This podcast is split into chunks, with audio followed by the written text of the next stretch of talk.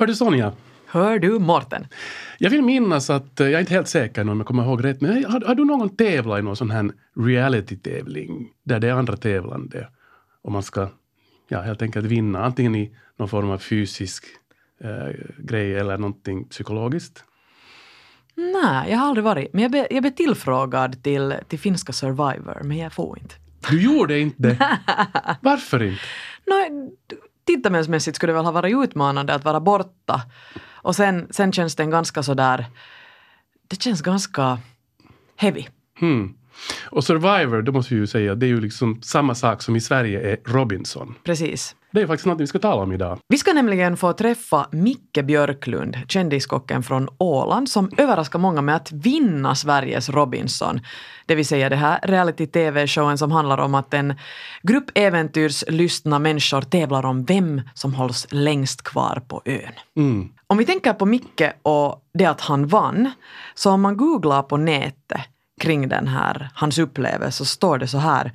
Den åländske kocken navigerade sig genom programmet med snällhet som främsta vapen, offrade framtänderna och fick nya perspektiv på sitt vardagsyrke. Mm. Och det är det här också det ska handla om idag. Positiv psykologi. Som expert i det här avsnittet av Efter nio har vi psykologen Åse Fagerlund. Och hon har doktorerat i neuropsykologi, är psykoterapeut och hennes specialområde är just det här, positiv psykologi. Hur ser hon på att Micke Björklund att han vann den här tävlingen. Eh, en tävling som man ju i allmänhet tycker att, att brukar gynna personer med, med starka personligheter och tävlingsinstinkt, självsäkerhet och framför allt ganska vassa armbågar. Som sagt, veckans gäst är Micke Björklund och nu ska vi lyssna på hur det lät när han vann i våras. Och när jag kommer upp, det är då jag förstår. Jag har fan vunnit Robinson.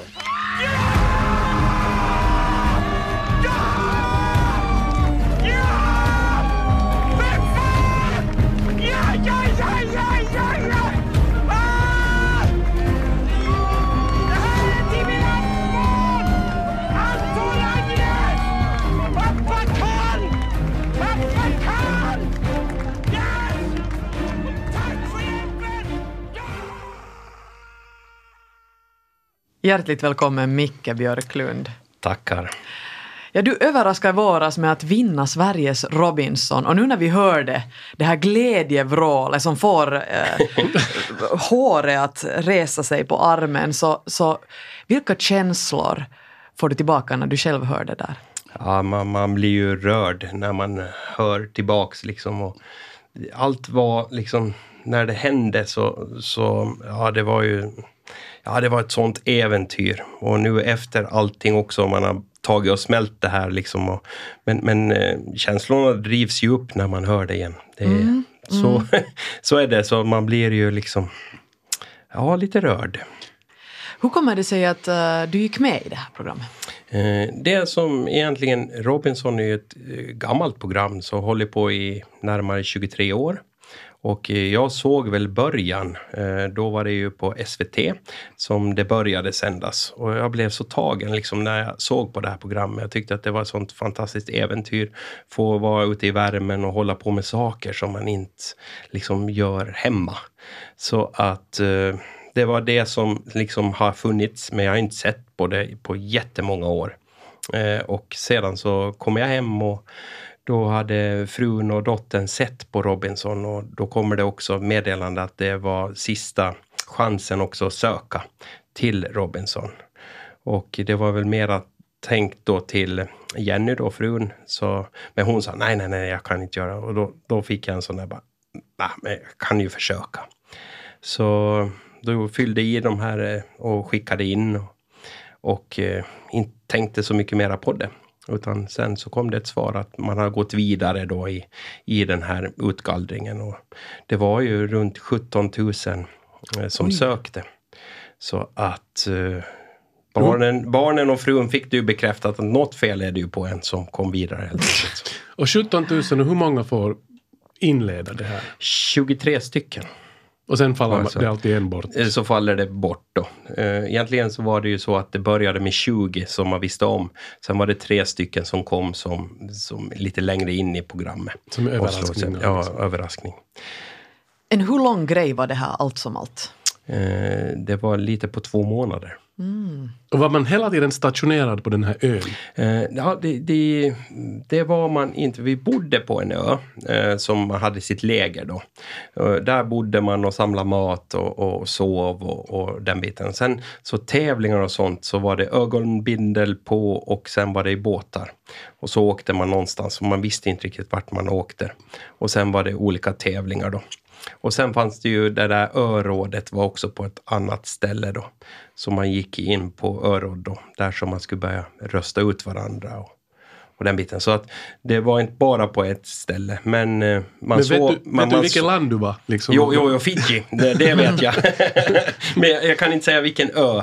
Jag har nog fått höra vilken ö det är, men jag är så dålig på namn så att eh, jag kommer inte ihåg vilken ö det var. Men det är ju en helt unik eh, ö på det sättet att man såg ju inga, några andra båtar där. Man såg inga flyg, ingenting, utan det var liksom eh, så, så orört det bara kunde vara.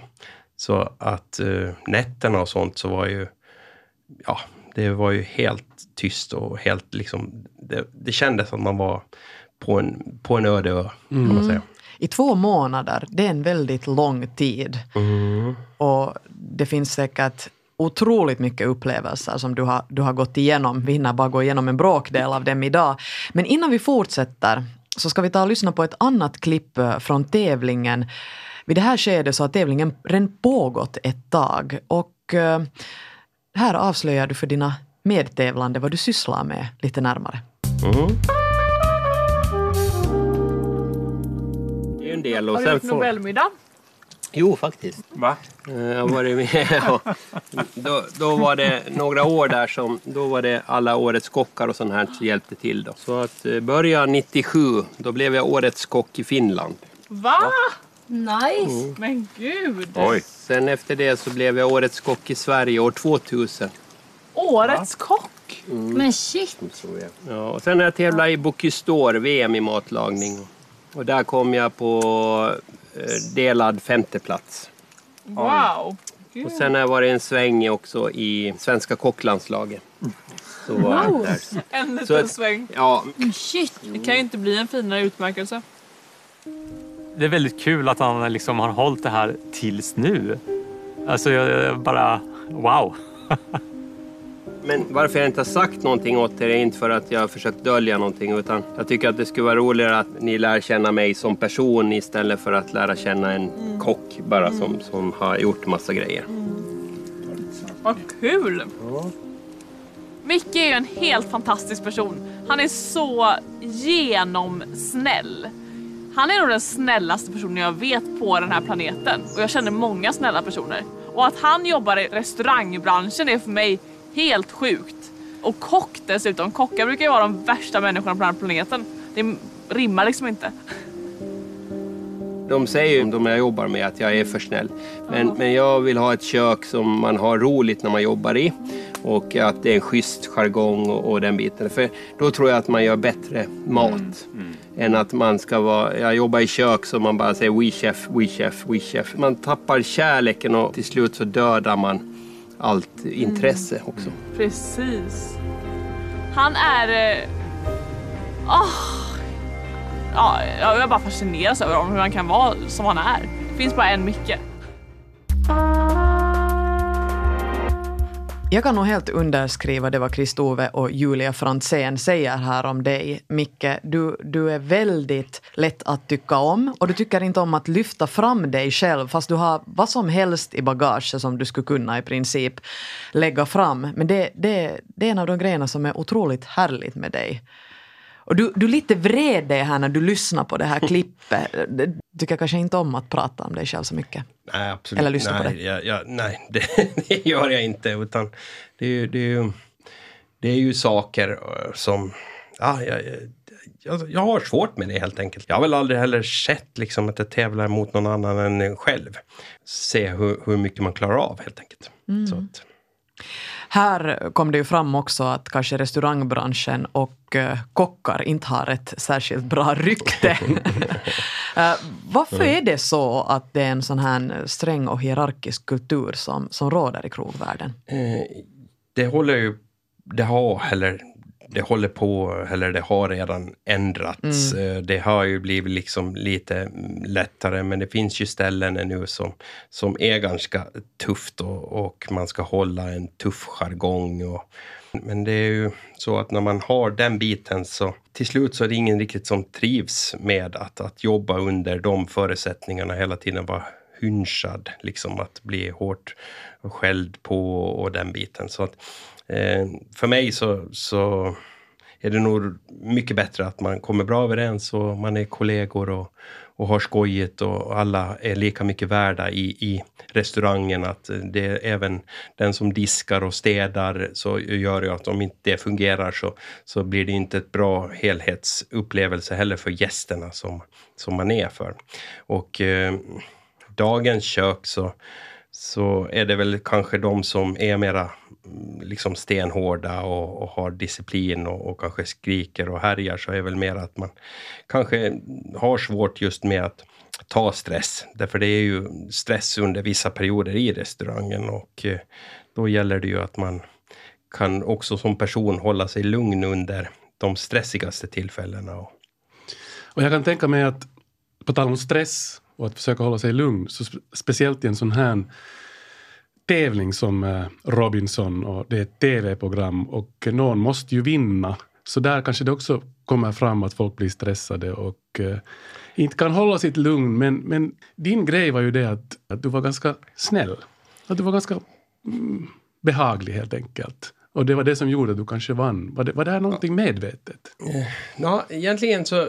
Jag hade ju turen att ingen kände igen mig liksom när jag var där och tävlade. Liksom att jag gjorde. Och i Sverige så blir det oftast förknippat med ditt, vad du har gjort och, och den biten. Och jag tyckte ju att det var skönt då att ingen kände igen och, och man kunde vara sig själv. Och, och eh, jag, jag var mig själv. Eh, det var ju det som var så skönt, hela Robinson. Och sedan så hade jag ju nog det som jag vann på så var ju också att jag lagar mat. Jag lagar mat i stort sett varje dag. Eh, gjorde jag. Så att jag blev behövd och det är ofta så att maten hade en sån stor betydelse i Robinson därför att vi var ju konstant hungriga och, och då blev ju det liksom den här maten så blev liksom eh, huvudgrejen. Och sen är det ju det att, att man jag tror ju att, att man, som man behandlar andra så blir man också behandlad eh, själv. Och eh, jag har fått mycket hjälp och, och, mycket sånt under min barndom och, och, och uppväxtnad. Så att jag, jag är skyldig också många som har behandlat mig riktigt schysst så, så behandlar jag också andra människor eh, schysst och, och, och är bussig. Och jag tror också det är på det sättet att i, i Robinson, jag fick inte en enda röst eh, som ville att jag skulle bli utröstad. Och ändå så var det egentligen den enda pakten som var, så var jag och Fabian. Eh, en, eh, ja, en livskamrat som man fick där nere. Jag skulle kunna åka ut många gånger där, men att just att då fick jag också hjälp och, och de var schyssta emot den. Så att, eh, Ja, jag tror i alla fall på att man ska vara schysst. Men förekom det för övrigt bland de andra deltagarna, så här som det ofta gör i de här programmen, eh, lite så här kniv i ryggen och eh, man talar fult bakom ryggen om, om någon och, och, och vet du, andra sorters sådana fulheter? Eh, ja, det är ju det som är lite Robinson. Man kan ju inte riktigt lita på någon. Och eh, det är ju samma sak där, att det, det är ju ett spel som hela tiden pågår. Att vem man röstar och vem som håller ihop och, och vem som ska ut och, och sådana saker. Och det, det, är ju sin sak, det vet man ju att förekommer. Men sedan så är det ju också så att när den här hungern kommer till så blir ju människor otroligt eh, liksom aggressiva. Och jag kunde väl se i början så tyckte jag att vi höll ihop ganska bra. Men ju längre tiden gick så blev folk eh, mera elaka. Mm. Och det som jag kanske också känner att, att man själv skäms över att vissa gånger så var det ju riktigt el, elaka saker som sades till en viss person och, och det var liksom stenhårt. Och, och, då satt man bara tyst och tyckte nästan att oj, vilken tur att det inte är jag. Och, och, och, men, men i det vanliga livet mm, så skulle man nog säga ifrån eh, att, att nu räcker det. Liksom. hur kan du säga sådär åt någon? Ja, ja precis. Att, att man, man skulle nog ha, ha liksom gjort det. Men jag, jag tror också att vi människor, när vi sätts i sådana här ja, experiment eller utmaningar så blir vi nog... Man, man tänker mycket mera på sig själv. Och det kanske har någonting med överlevnadsinstinkt. Att, att man glömmer, man blir mera fokus på sig själv. Mm. Men den som, som gjorde också att eh, liksom Robinson gick och, och man orkar med hela den här psykiska pressen och, och hungern och det här, så var nog att man hade en person som jag litade 100% på. Och, och, det är ju farligt i ett sånt här program, för man kan ju bli blåst mm. ordentligt. Men jag hade Fabian som eh, vi, vi... Jag hade full tillit. Och det visade sig att han hade också full tillit. Och det var skönt, för då kunde vi prata om andra saker än om tävlingen och sånt. Och Fabian är ju mycket duktigare på att eh, sköta det här snacket och paktingen och den biten.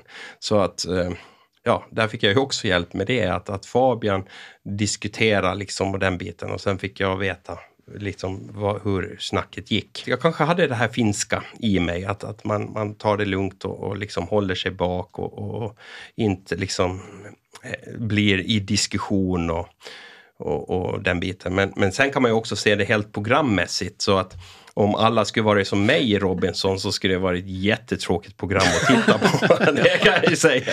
Så att eh, det, det, det gäller ju också för att få ett bra program behöver man ju de här som är eh, lite mera udda, mm. om man säger så. Och det är ju säkert därför de också väljs dit. Eh, säkert, mm. ja. Du lyssnar alltså på Efter nio här tillsammans med eh, Sonja Kailasari, med mig Morten Svartström och vi sitter här tillsammans med Micke Björklund som överraskande alltså vann Robinson, Sveriges Robinson i våras och eh, han är här och berättar om sina erfarenheter. Och nu ska det talas lite mer om den taktik, om man nu kan kalla det en taktik Micke, som du använder dig av, att vara snäll och positiv helt enkelt. Uh, vi ska välkomna in vår nästa gäst eh, som är den här experten den här gången. Hon är neuropsykolog och psykoterapeut och hon har just forskat i det här med positiv psykologi. Hon ska berätta mer om det. Vi ska be in Åse Fagerlund. Hjärtligt välkommen med Åse Fagerlund. Tack. Uh, före vi går närmare in på det här med positiv psykologi så måste jag ju fråga, brukar du följa med sådana här dylika reality-shower som Robinson? Och, har du eventuellt sett Micke i Sveriges Robinson? Robinson följde jag med från den första versionen när den gick första året i Sveriges TV. Så på det sättet blev det ett speciellt program mig. Jag känner en person som var med i den första omgången. Och sen när jag som ålänning fick höra att Micke Björklund skulle vara med, så då satt vi och bänkade oss nog med mina barn och tittade. Men tyvärr, vi missade finalen, så jag fortfarande skulle önska att jag skulle få se den där finalen. Ja, det finns säkert klipp att se på där ute på nätet så att säga. Men du menar att du hade en paus ungefär på 20 år här och sen kom sen du tillbaka? måste jag ju komma och se på ålänningen. Nåväl, det här med, med, du har alltså forskat i positiv psykologi.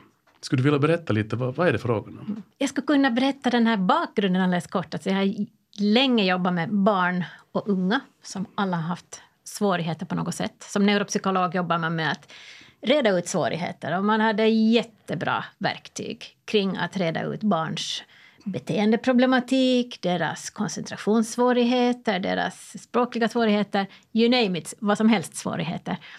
Men jag hade inte ett enda verktyg att kartlägga någonting kring barnens styrkor eller att stärka deras självkänsla. Och det här var barn som hade det ganska tufft. Så det var en frustration som väcktes och, och stärktes och stärktes i mig tills jag hittade fram till den här positiva psykologin. Som någon kanske kan tänka att vad är det för ytligt, vad är det för happy happy när vi sopar svårigheterna under mattan.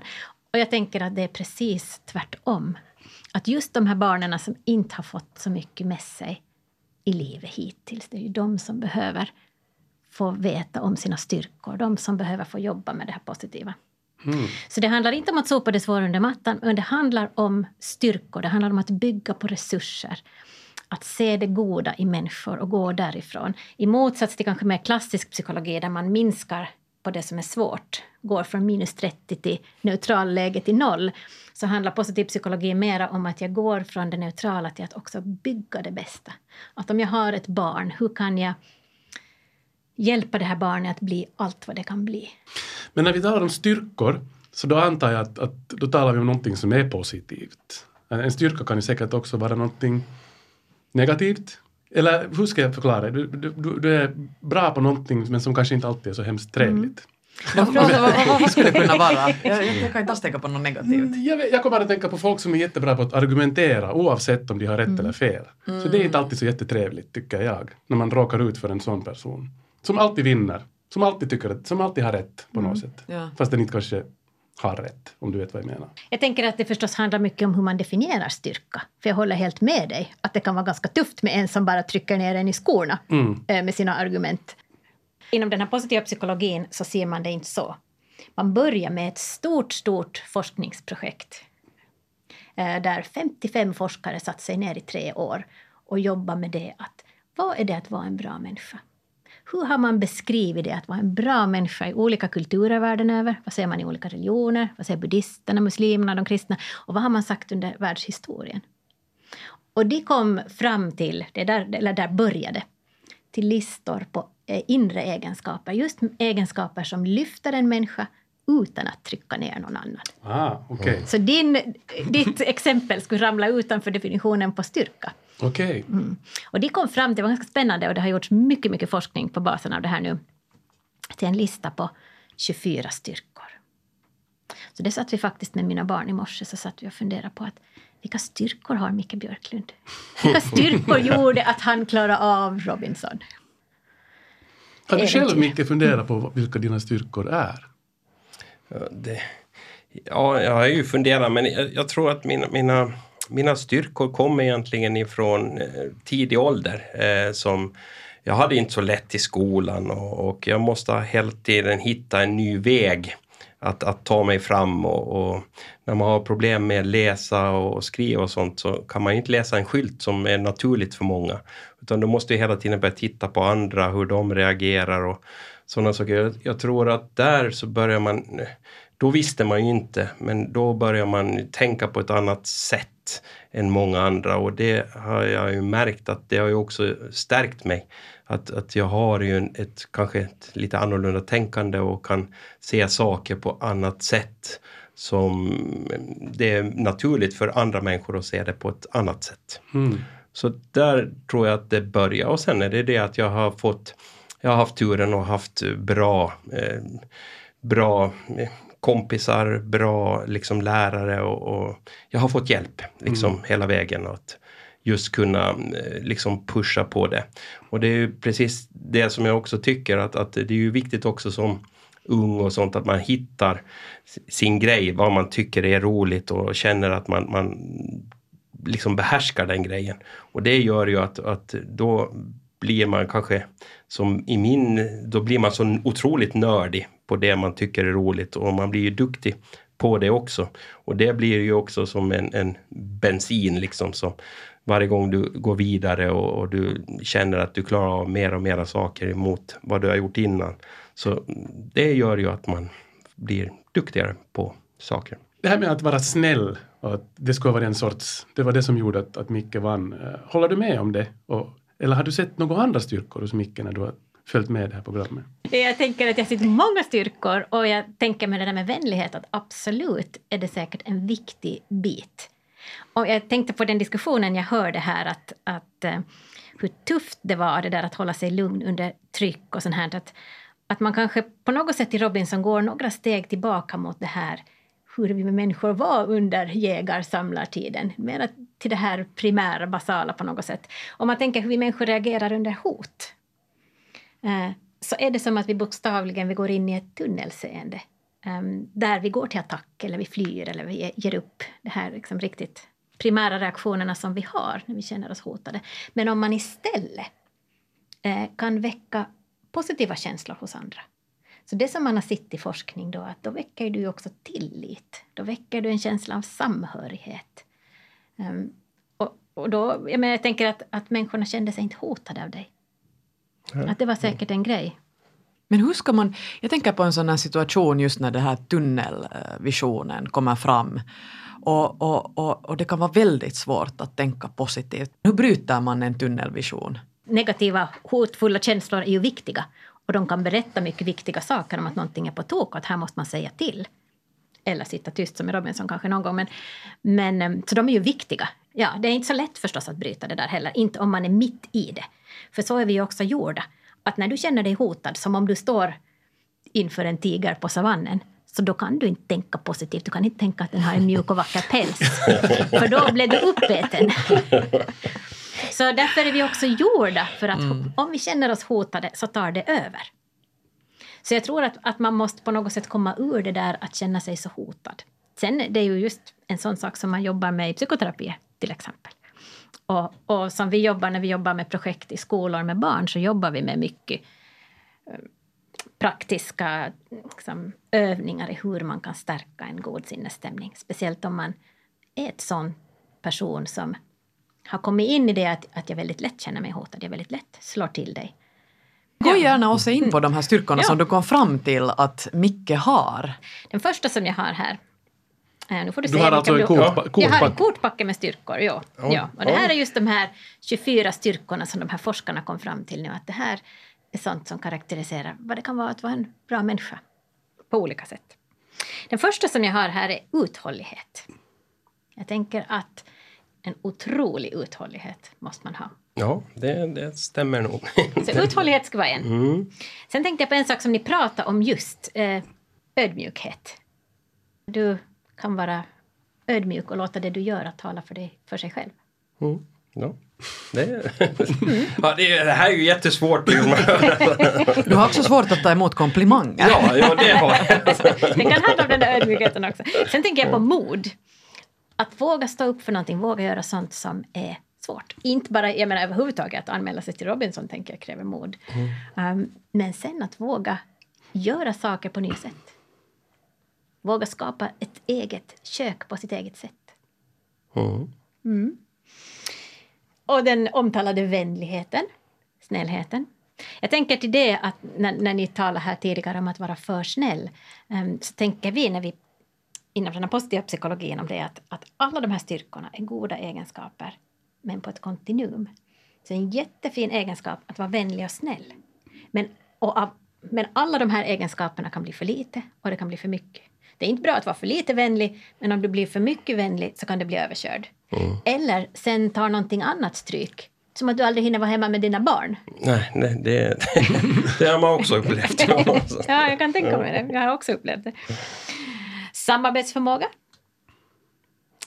Ja, det, den, den var nog viktig i alla fall. Eh, mm. Att man kunna samarbeta. För där märkte jag att många hade ju svårt med det där. Utan det var ens väg och det var mm. den som var den rätta. Fast mm. Eh, man stod på sidan om och, och, såg att man kan inte få jättestora fisk om man har små, små näthålar. Liksom. Men, men då, då var det... Så att eh, kunna samarbeta så är nog en otroligt viktig sak. Sen tog vi humor här. Ja. det blir mycket roligare att jobba om man har roligt och, och, och allt blir lite skojigare. Mm. Var det här nu de styrkorna ni kom fram till eller hade ni Oj, oj, jag skulle kunna ta många. Eh, entusiasm hade jag nu här. Det Tänk. Alltså. Mm. Att engagera dig, som du sa, att du nördar in dig på en sak, men utan entusiasm att faktiskt liksom hitta sin grej. Mm. De här styrkorna som du har då i en kortpacke, är det, är det sådana styrkor som man kan bekanta sig med någonstans om man skulle vilja till exempel gå igenom vad man själv har för styrkor? Jag vet inte, att, är det här meningen för självanalys eller för någon annan att ta fram? Både och. Man kan, det här är ett, ett, ett exempel egentligen på ett verktyg som används inom den här positiva psykologin som jag tycker är väldigt konkret och roligt för att man kan ge andra människor styrkor. Man kan ge det som en gåva åt andra. Mm. Um, men man kan använda det på många sätt. Och jo, det finns... Um, för de här forskarna då, de här 55 som gjorde det här projektet, de grundade ett institut för utbildning och forskning i USA som är icke vinstdrivande. Så man kan gå in på deras sidor och göra ett styrketest om man vill. Och det institutet heter Via Character. Mm. Så viacharacter.org har det och det finns på svenska också. Mm. Jag kan tänka mig att det är lättare att låta någon annan utse dina styrkor än att du gör det själv. För att antingen så kan du vara en sån person som går igenom hela packen och inte hittar den enda som du tycker att passar dig. Eller sen kan du vara den som tycker att allt passar mig. Ja, det här är ju, det här är ju jag. Eller vad? Ja, Kan det det, ser, absolut, det ser vi när vi jobbar med barn i klasser så är det ju just sådär. En del sitter så här, ja, ja, jag skulle kunna vara allt det här. Ehm, och då säger vi åt dem, vet du vad, nu ska du välja fem. De fem som du tycker är mest du. Så får du rita en hand. Och så får du välja en styrka till varje finger.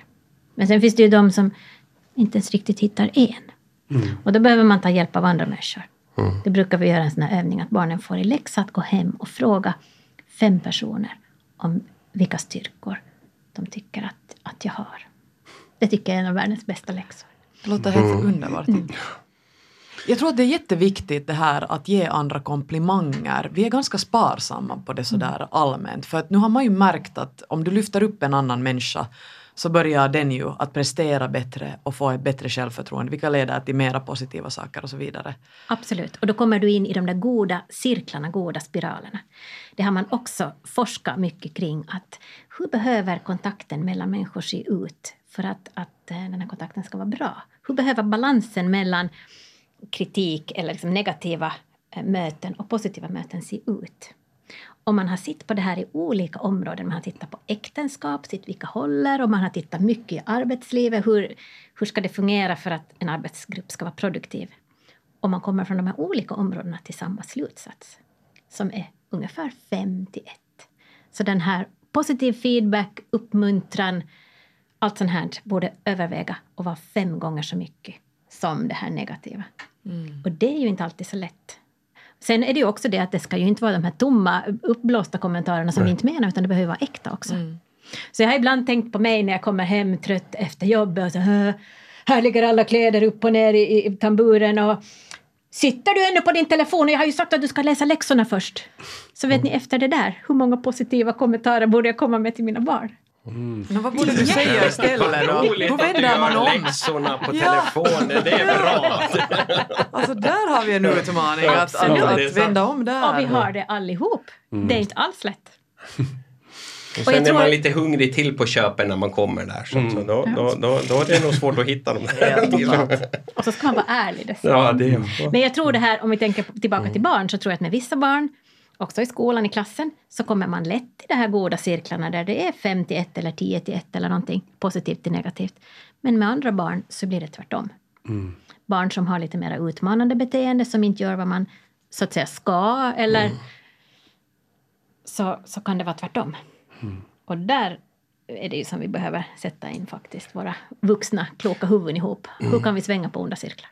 Micke Björklund, till sist måste vi fråga, att vad, med allt det här som du nu har varit med om under, under det här året, då Robinson, för att inte tala om coronan också kanske, vad har du kommit till för insikt? Jag kan väl säga att eh, innan jag var med i Robinson så sa jag att jag är rätt mesig. Var alldeles för snäll och, liksom den biten kunde jag säga inte ifrån och sådana saker. Men jag har nog insett nu efter Robinson och sånt att, att eh, det här med mesigt är inte något negativt utan det är också med snällhet och eh, jag har ju också visat att man kan, man kan klara av någonting riktigt stort på att vara snäll. Och det har jag ju fått insikten att, att jag är nog är nu lite mesig och det kommer jag nog vara. Men, men eh, det är en styrka eh, och inget negativt i att vara mesig. Med sig i positiv bemärkelse. Absolut. Jag tycker det var ganska roligt när du sa att, att, att det skulle kanske inte bli ett bra TV-program om alla skulle vara som du. Det kanske stämmer, för människor tycker just om att gotta sig i sådana här grejer när folk är emot varandra. Men Micke, världen skulle ju nog bli en bättre plats om alla skulle vara som du. Ja, det- Alltså om vi tänker riktiga livet, för att vad är nu ett TV-program? Ja. Jag har nog mina brister också. Jag, jag har lärt mig av misstag och, och fortsättningsvis så gör jag ju misstag. Så att inte jag är någon supermänniska på, på det sättet att, att vara utan nu, nu gör jag dumma grejer som, som alla och det, jag tror att det också är mänskligt liksom att, att man ska göra. Men man ska ändå försöka ha, ha mera positivt än, än negativt. Precis det- som vi pratade om, med, med fem gånger mera eh, positivt så, så då blir det bra. Vi är alla människor och en människa blir aldrig perfekt. Men Åse, vad kan vi ta med oss? En övning som jag själv brukar försöka komma ihåg att göra är att stanna upp på morgonen, just så här inför min dag och fundera på att vad ska vara på riktigt viktigt för mig idag. Och sen, som är lite ofinländskt kanske, att eh, på kvällen komma ihåg att stanna upp och tacka och uppskatta sig själv för att man har jobbat för det som var viktigt. Fint. Jättebra. Tack för det och tack för att ni var med i Efter nio. Tack Micke och grattis Tusen än en gång så här i Ja, efterskott. tack, tack. Tack Åse Fagerlund för att du var med. Tack. Ja, ni har lyssnat alltså på Efter nio här tillsammans med Sonja Kailasari med mig Morten Svartström och nu är vi tillbaka som vanligt Mm. nästa gång med nya utmaningar, nya gäster.